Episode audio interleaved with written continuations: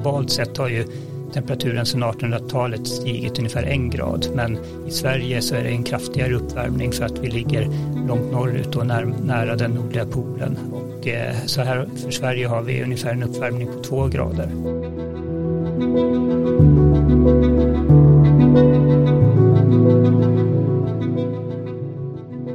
Att vi ska lyssna på klimatforskarna, det får vi ofta höra i samhällsdebatten. Men vad är det egentligen som de säger? Det ska vi ta reda på i SMHI-poddens avsnittsserie Klimatforskarna. Och SMHI har ett av Sveriges största forskningsinstitut för klimatforskning. Och i den här podden så kommer vi gästas av både experter och forskare som jobbar här. Och de kommer berätta för oss om hur världen förändras och vad vi kan göra åt det.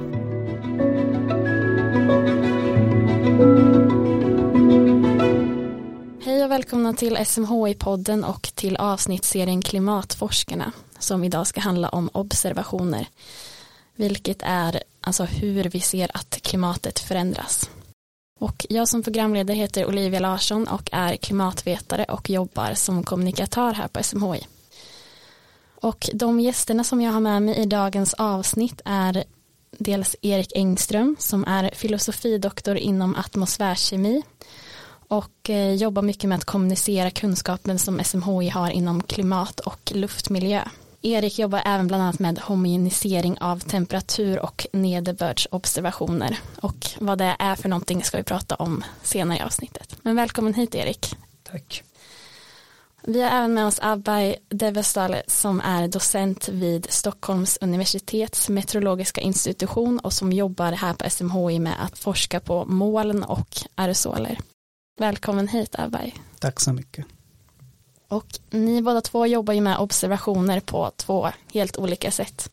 Erik, du jobbar med mätserier. Vad, vad är det man mäter då och hur mäter man det?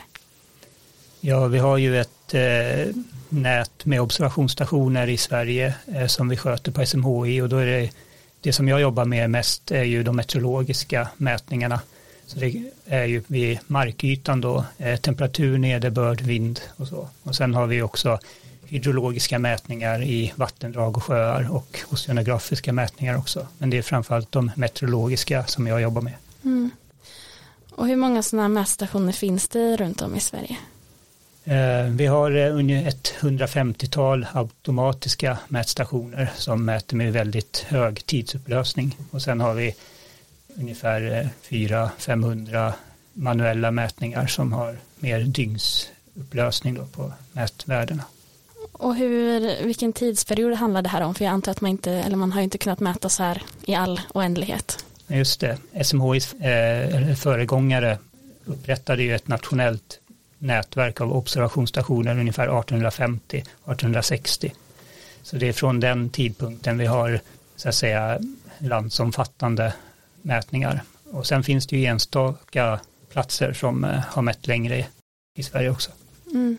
Jag läste att Uppsala firade 300 år som en mätserie. Just det, ja, det är Uppsala, Stockholm, Lund till exempel, eller platser där vi har mätningar ända från 1700-talet. Så att det är väldigt häftigt tycker jag att få jobba med så långa mätserier. Och sen om man tittar på strålning så har vi från i Stockholm då mätningar 100 år och eh, så det är, vi har en del mätserier som är de längsta av sin typ i världen.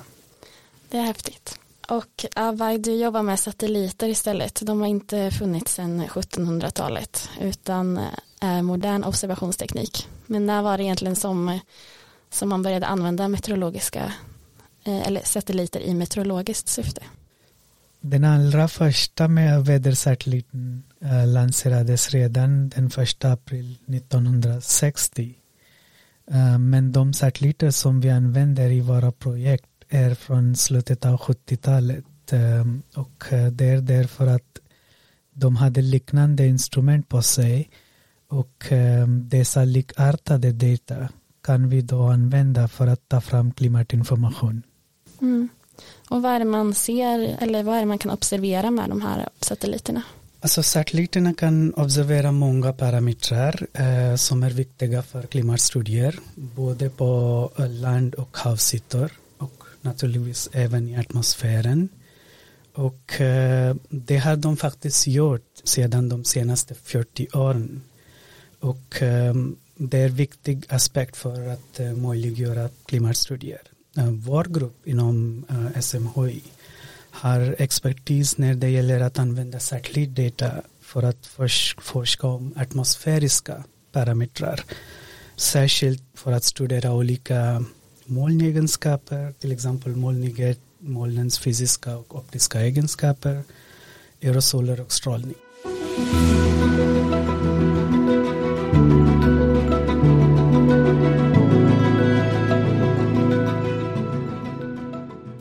Och vi ska alltså prata om observationer i eh, dagens avsnitt. Och vi kommer börja prata om mätdata och ditt arbetsområde Erik och sen gå över till Abergs forskningsområde med eh, satelliter och moln och aerosoler. Men eh, om vi börjar med dig då Erik, 300 år gammal, gamla mätningar, är de tillförlitliga? Ja, vissa parametrar har vi kunnat mäta länge med väldigt eh, bra noggrannhet som till exempel temperatur och eh, lufttryck. Eh, så det, de, det är väldigt bra data medan andra parametrar är betydligt svårare att, att mäta bra eller rätt, till exempel nederbörd eller vind. Så det är all den här data då som man har samlat in i Sverige i hundratals år ändå, hur, hur är den tillgänglig för er? Ja, eh, all data som, eh, alla observationer som har gjorts eh, under de här hundratals åren och hundratals stationerna, de finns ju sparade i pappersjournaler där siffrorna är antecknade.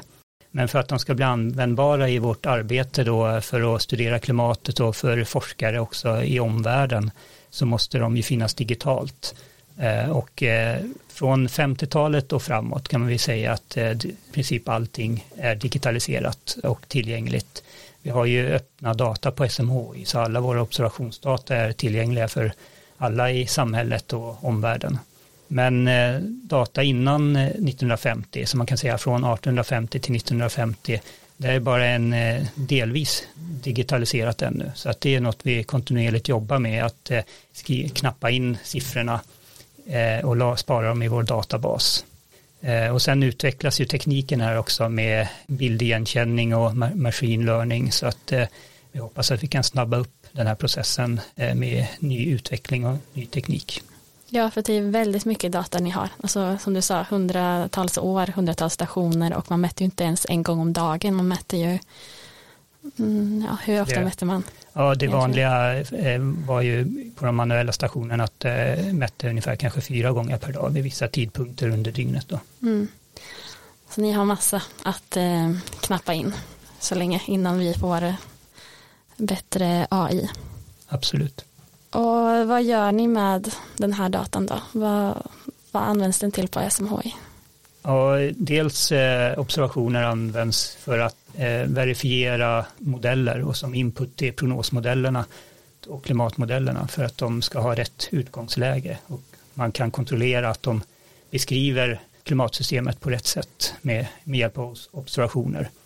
Eh, men sen är också observationerna en viktig del att titta på och hur klimatet har förändrats hittills i Sverige. Och för att kunna göra det titta, kunna studera klimatet så måste vi säkerställa att förändringar vi ser i observationerna, trender och så, bara beror på förändringar i klimatet. Eh, så att då, då måste vi göra kvalitetssäkra datan då för att de ska gå att använda i klimatstudier. Och det är det här som är homogeniseringen som jag sa i din introduktion. Ja, just det. Det stämmer bra. Och eh, med homogeniseringen så eh, korrigerar vi, rättar vi datan för fel då som kan, eller i påverkan på observationerna, till exempel eh, om man ändrar mättekniken, instrument eller man byter observatör kan faktiskt också påverka mätningarna.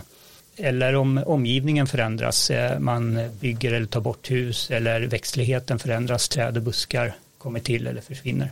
Ja, vad är det som händer då? Om man till exempel har en mätstation som först var på, land, på landet eller vad man ska säga och sen så blir det helt plötsligt en stad som växer ut där. Mm. Eh, I bebyggelsen och i staden så eh, eh, absorberas mer värme så att det höjer temperaturen i omgivningen. Så det brukar man kalla, prata om den här urbaniseringseffekten eller värmeöar i, städer.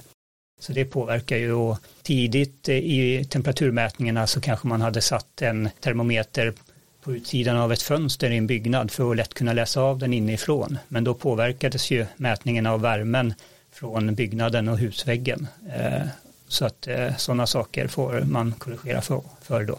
Mm, intressant. Och sen när ni har då liksom dagens klimatdata som är uppmätt och så har ni de här jättegamla mätserierna. Hur gör man för att jämföra klimatet? För man kan ju inte bara ta årets medeltemperatur och typ jämföra det med 1862 utan ni använder ju av normalperioder. Vill du berätta vad det är? Ja, just det. För eh, att kunna beskriva klimatet så kan man inte titta på enskilda dagar eh, eller år. Utan vi måste ju titta, man kan säga att klimatet är ett genomsnittligt väder under en längre tidsperiod för, för en plats. Eh, och då använder vi till exempel normalvärden som är medelvärden över minst 30 år för den platsen. Och då kan man på ett mer statistiskt rätt sätt beskriva klimatet och om vi ska titta på hur klimatet förändras då får vi jämföra två sådana här perioder. Så vi kanske tar en period, en 30-årsperiod på 1800-talet och en 30-årsperiod nu. Och så kan vi jämföra dem och då kan vi få en bra statistisk bild av hur eh, klimatet förändras. Och vad har ni sett då? Har ni kunnat identifiera några tydliga förändringar på den här mätdatan i Sverige? Ja, det mest grundläggande och tydligaste är att det blir varmare. Temperaturen stiger och eh, globalt sett har ju temperaturen sedan 1800-talet stigit ungefär en grad. Men i Sverige så är det en kraftigare uppvärmning för att vi ligger långt norrut och nära den nordliga polen. Och eh, så här för Sverige har vi ungefär en uppvärmning på två grader. Eh, en annan eh, förändring som vi också ser är att nederbörden eh, generellt sett ökar. Det har eh, i alla fall på på årsbasis. Och eh, det har gått ungefär från 600 mm i genomsnitt för Sverige till, per år till 700 mm. Och sen eh, i och med att temperaturen stiger så blir snösäsongen kortare också så att antalet dagar med snötäcke har minskat också. Så vi får, vi får mindre vintrar, varmare genomsnitt och mer regn. Ja. Men eh, det riskerar väl även att bli torr, mer torrare även om det regnar mer.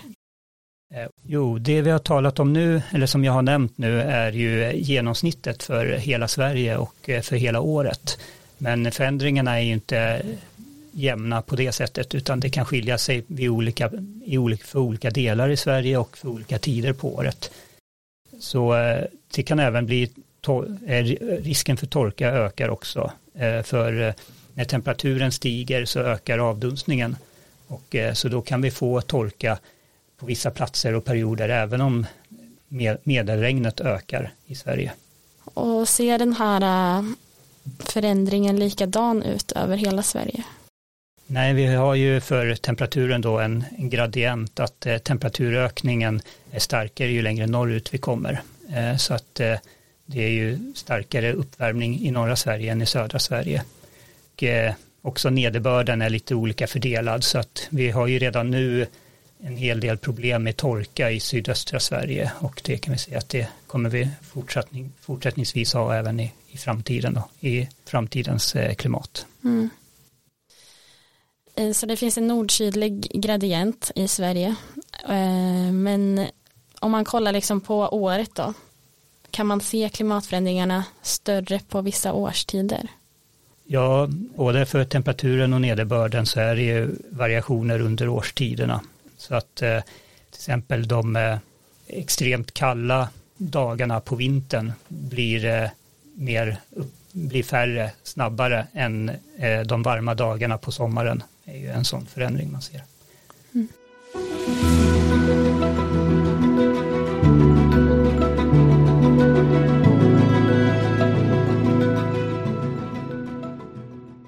Okej, men tack så mycket Erik Engström för att du ville vara med och berätta om mätdata och hur det blir tillgängligt och hur man använder det.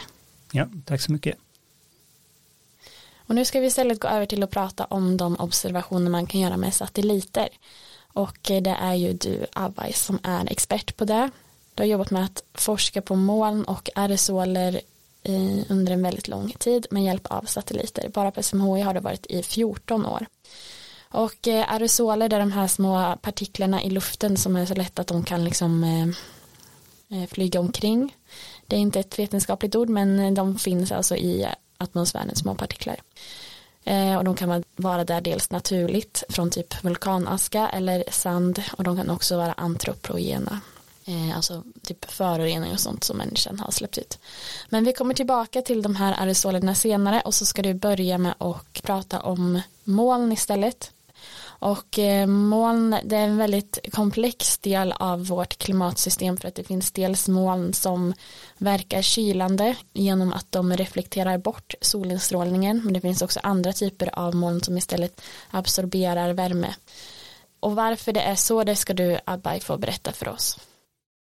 Ja, jag ska kanske börja med att säga att eh, molnen är onekligen viktiga för eh, i klimatsystemet och um, tack vare satellitdata um, ehm, vi vet att de täcker nästan 70 procent av uh, vår planet. Um, de reglerar um, nederbörd, solstrålning och uh, temperatur och jordens energibudget helt enkelt. Många lyssnare um, säkert vet att det finns olika typer av moln i troposfären och det finns olika sätt att klassificera dem. Och eh, de flesta av dem reflekterar solljuset tillbaka till rymden eftersom de är tillräckligt optiskt tjocka. Men det finns också andra tunna moln som kan låta solljuset passera genom eh, dem och samtidigt fånga in eh, den långvågiga strålningen. Och sen bara för att få det sagt då, så den långvågiga strålningen är alltså den värmestrålning som kommer från jordytan. Alltså efter att den kortvågiga strålningen som kommer direkt från solen, den kommer ju ner och träffar markytan som absorberar den och sen den värmestrålning som då kommer från jordytan, alltså den värmen sen sprids. Och det är den långvågiga strålningen som vissa moln då absorberar och inte släpper igenom så att det blir liksom en ytterligare värmning av atmosfären. Medan den här kortvågiga strålningen, det är den som liksom kommer direkt från solen och vill träffa markytan men så reflekteras viss av den strålningen sen bort av molnen i atmosfären. Så att det finns olika moln som har olika egenskaper. Och då verkar kylande eller värmande på jorden. Ja, men i verkligheten bilden är mycket mer komplicerad för att huruvida moln har en nettokylande effekt eller nettouppvärmande effekt. Um, det beror på många olika uh, faktorer. Um, och inte bara på molnen själva. Till exempel det beror på vad är det för yta. Det beror på vilken årstid man pratar om. Det beror på vilket geografiskt läge uh, det handlar om. Om vi har lite tid, jag kan, jag kan ge några exempel här för att ja, förklara, förklara det bättre. När du flyger över till exempel um, Atlantiska havet, du har kanske sett de låga, um, låga moln, stratusmoln. Um, ehm, de är vanligtvis optiskt tjocka nog att reflektera solljus tillbaka till rymden. Och uh, detta solljus skulle ha annars absorberats av um, det öppna havet. Och i det här fallet um, har dessa moln ett nettokylande effekt. Men tänk vad händer då när vi tar liknande stratusmoln men nu placerar vi dem i Arktis och uh, över havsisen. Och vad kan hända då på sommaren och på vintern? Det kan vara väldigt annorlunda.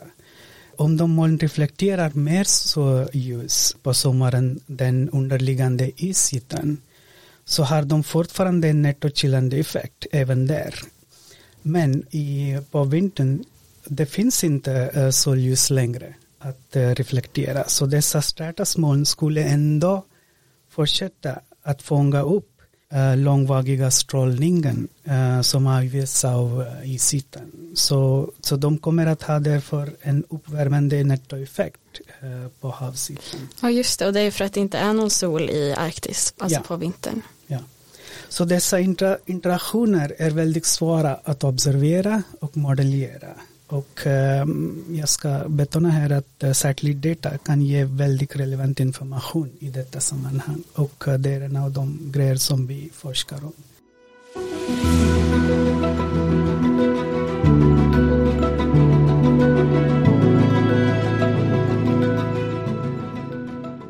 70 procent av vår planet är alltså täckt av moln.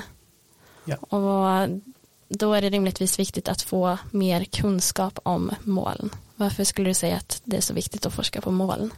Um, för att det finns flera anledningar för detta. Om vi tittar på global uh, strålningsbudget uh, så ser vi att uh, molnen har en uh, nyttokilande effekt som motsvarar ungefär 20 kvadratmeter, watt per kvadratmeter. Och effekten är naturligtvis, naturligtvis mycket ojämnt över tid och plats på jorden. Men om vi gör några enkla beräkningar uh, så ser vi att uh, globalt sett även få procentuella förändringar i molnigheten kan antingen dämpa eller förvärra effekten av klimatförändring som orsakas av människan.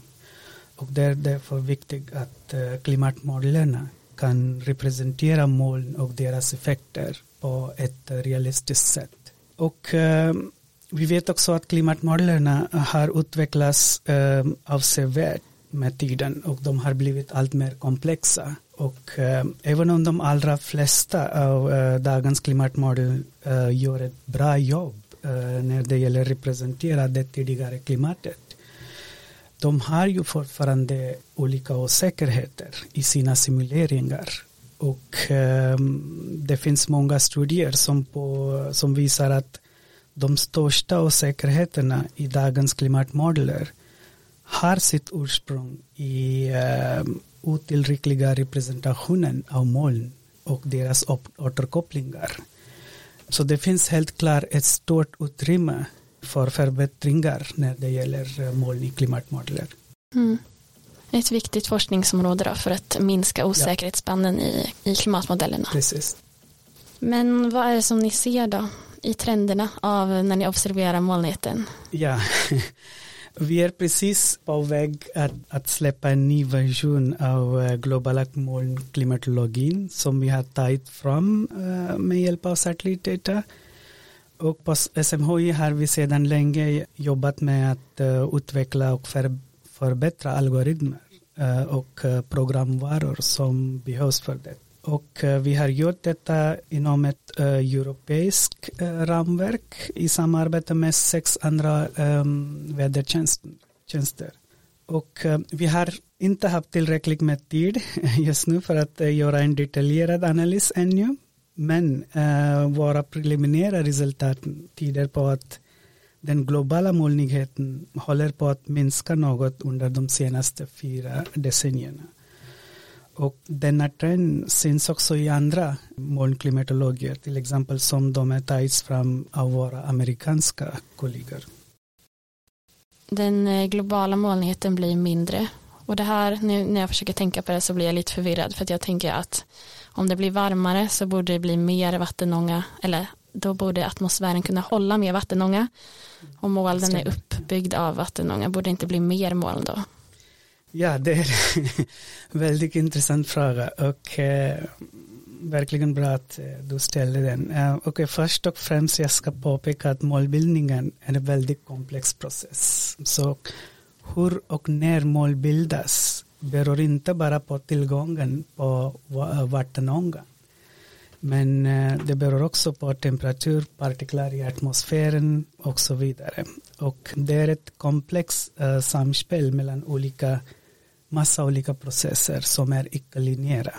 Sen även om varmare temperaturer innebär ökad vattenånga i atmosfären, vi vet inte tillräckligt bra hur den ökade vattenångan fördelas globalt eftersom eh, det handlar om först förstå förändringarna i eh, atmosfäriska cirkulationen. Och eh, sen för det tredje finns det också stora variationer när det gäller ändringar i molnens egenskaper. Till exempel när vi har mer vattenånga skulle det leda till kraftigare regn och kortare molns livslängd. Och skulle det ökade vattenånga orsakar moln och regn som uh, varar längre. Så det är övergripande bilden är väldigt komplex uh, globalt sett. Mm. Men man har ändå observerat liksom att det blir en minskning av molnighet. Ja, precis. Och den här minskningen blir liksom en positiv feedback-effekt. Ja. Så det blir liksom varmare ändå då? Ja. Alltså molnen globalt sett har uh, um, positiv återkoppling. Mm.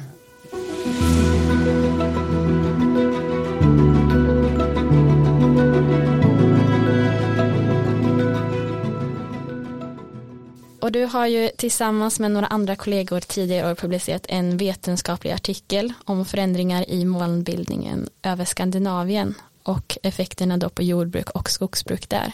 Vill du berätta om eh, vad resultatet var där?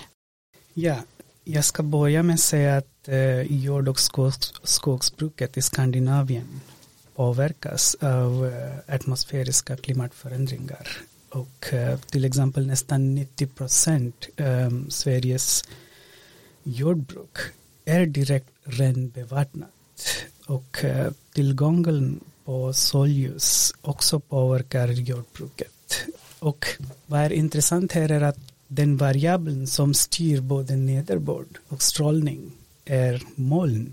Ehm, så det är därför viktigt att vi förstår hur moln, nederbörd och strålning, solstrålning är delar av den eh, totala um, klimatförändringarna i Skandinavien. I den där studien som du um, påpekar, vi har undersökt uh, samspel mellan molnighet, nederbörd och inkommande solstrålning över Skandinavien under sommarmånaderna under de senaste 40 åren. Och då, alltså huvudbudskapet är att um, totala molnigheten har minskat över stora delar av uh, Skandinavien under de senaste fyra decennierna. Men jag kan ge här uh, två exempel på förändringar som kan vara intressanta um, av jordbruksperspektivet. Ja, de, de vill vi höra om. Alltså vi ser att i april um, det håller på att bli klarare och ljusare över de östra och centrala delarna, av, eh, delarna i Sverige och, även i vissa norra delar av Sverige. Och jordbruksmarken kan potentiellt gynnas av dessa förändringarna för, eh, på grund av ökad solstrålning och mindre molnighet i samband med ökad temperatur och odlingssäsongen kan börja lite tidigt i framtiden. Eh, men vi ser också några oroande trender. Till exempel det håller på att bli torrare, klarare och ljusare i juni över södra Sverige. Och där jordbruket dominerar faktiskt i södra Sverige. Och vi vet att jordbruket eh, under de sommarmånaderna är mycket känsligt för de eh, agrometeorologiska variabler, till exempel mängden och regelbundenheten i nederbörden under Eh, den högsta odlingssäsongen är viktig. I juni marktemperaturer är varmare och eh, solstrålning som kommer på marken är också intensiv.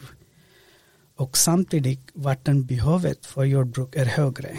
Och med tanke på denna bakgrund om, det, om det finns ytterligare minskad eh, nederbörd och molnighet, det skulle kunna leda till torka och ha negativa effekter på avkastning eller skörden. Resultatet blev ändå att odlingssäsongen kanske är tidigare men att det också är mycket större risk för torka under sommaren. Mm.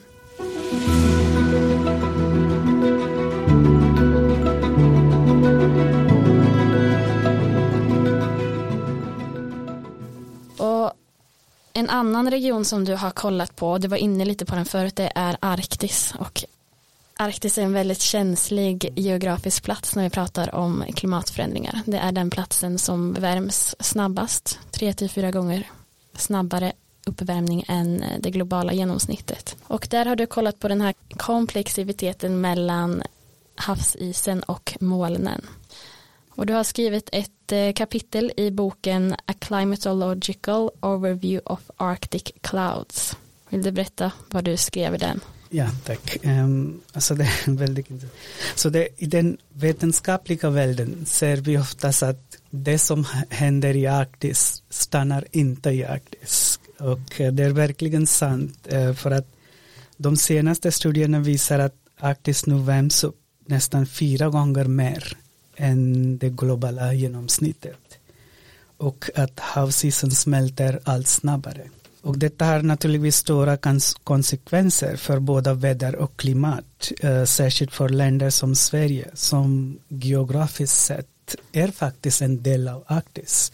Och vi måste därför först förstå vad som orsakar denna temperaturamplifikation i Arktis. Och eh, om vi tittar på moln i Arktis med hjälp av våra satellitdata eh, så ser vi att eh, molnigheten har ökat under de senaste 40 åren eh, under höstmånaderna, det vill säga september, oktober, november.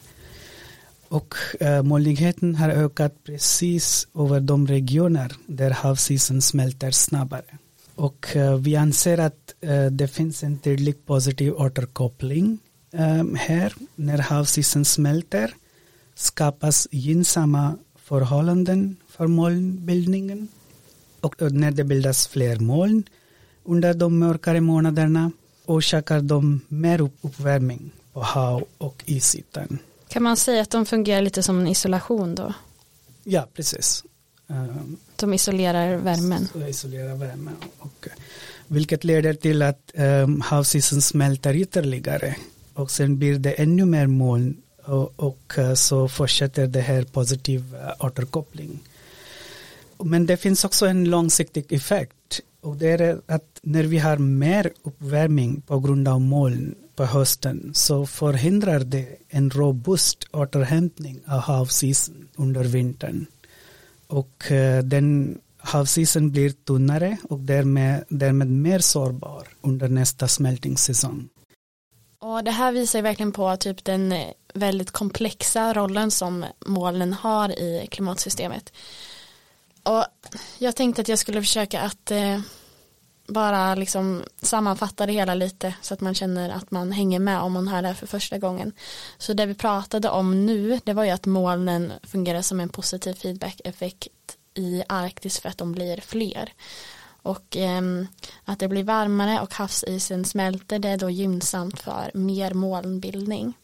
Och molnen där fungerar som en isolation för värmen eftersom att molnen ändå inte har den här egenskapen att de reflekterar bort solljusen på, på hösten när det ändå inte är någon sol i Arktis. Medan då globalt när vi pratade om den positiva återkopplingsmekanismen eh, för molnen då var det ju att när det blir färre moln till följd av att det blir varmare eller en del i att det blir eh, färre moln är att det blir varmare då så blir det liksom ännu varmare för att det blir mindre moln som reflekterar tillbaka solen. Så man får, som Abhai sa förut, man får verkligen tänka på att vi pratar om globalt ibland och sen pratar vi om regionalt. Det har olika effekter om det blir mer eller mindre moln på olika platser och vid olika tidpunkter av året.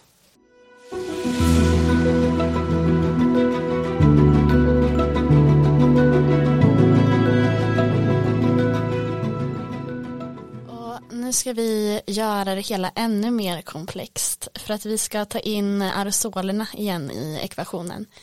Jag pratade ju om dem i början av avsnittet, det är alltså de här små partiklarna som är så lätta att de finns i luften.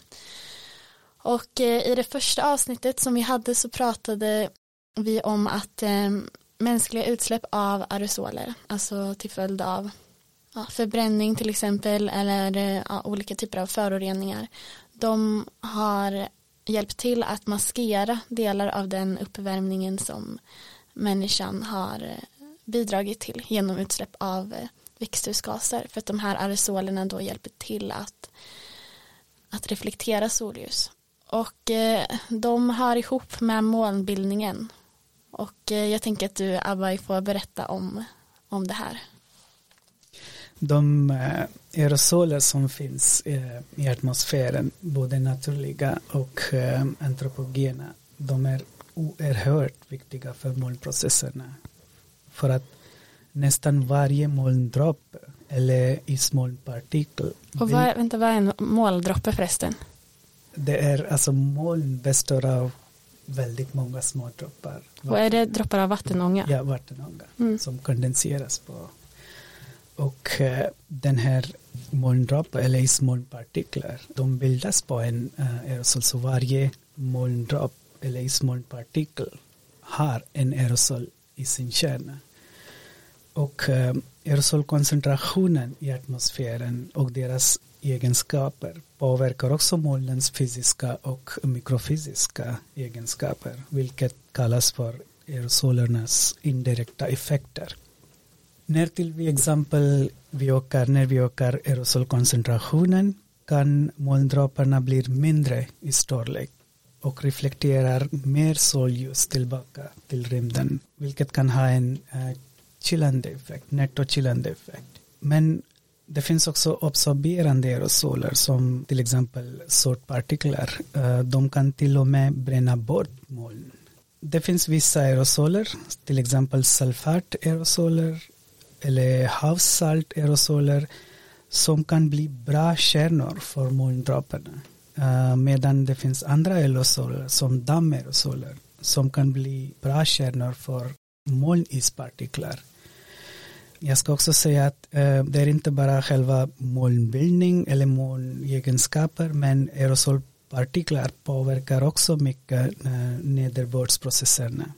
Och eh, så detta övergripande samband mellan aerosoler och moln är mycket, mycket komplex, komplicerat i verkligheten.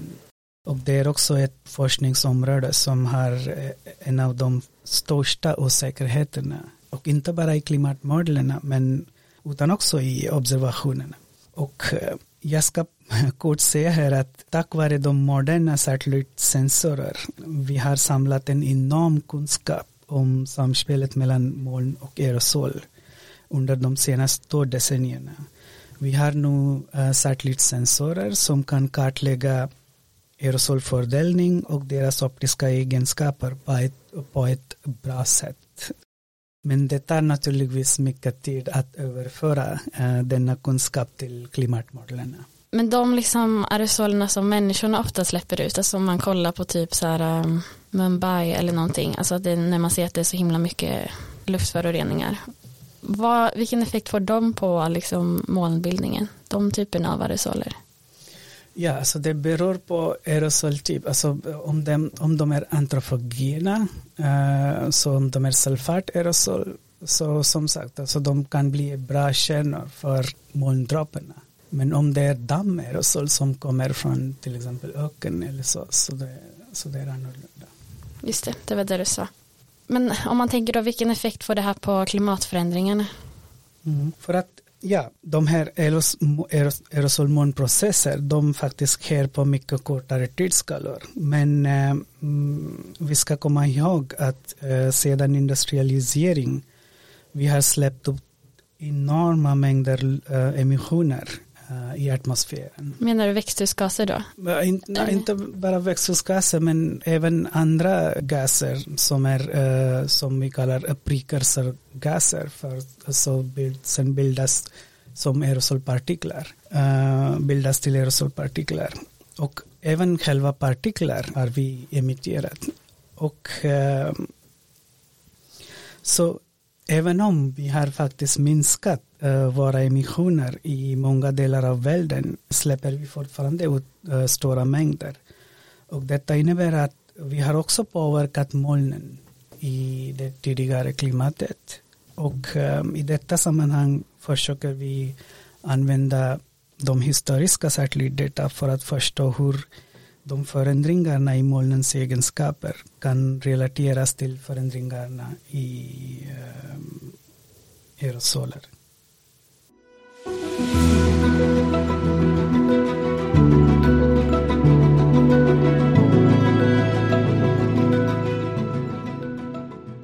Nu är vi redan framme vid eh, slutet av det här avsnittet och jag ska försöka att eh, sammanfatta det för att vi har pratat om en himla massa grejer idag.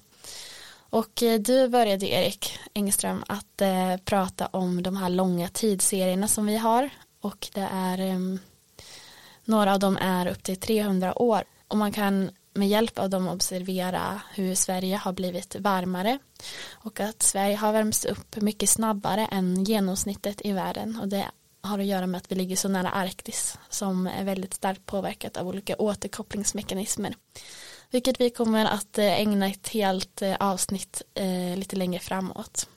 Och Abba har ju också pratat om de observationer som man kan göra med hjälp av satelliter och man ser att eh, globalt att det har blivit en minskning av moln vilket kan ha en positiv återkopplingsmekanism och värma jorden ännu mer.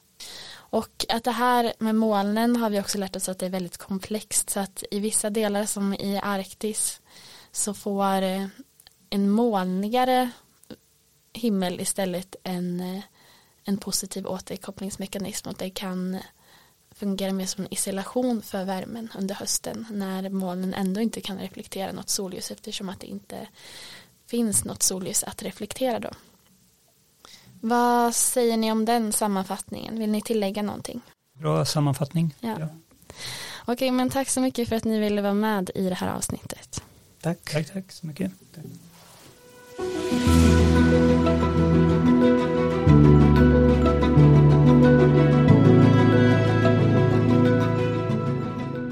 Och du som har lyssnat, du har hört Erik Engström som är expert inom klimat och eh, luftmiljö. Och du har hört Abay Devestales som är forskare på moln och aerosoler och också docent på Stockholms universitet. Och mig Olivia Larsson som har programlett det här. Och vi hörs nästa vecka hoppas jag. Du har lyssnat på en podd från SMHI, Sveriges meteorologiska och hydrologiska institut.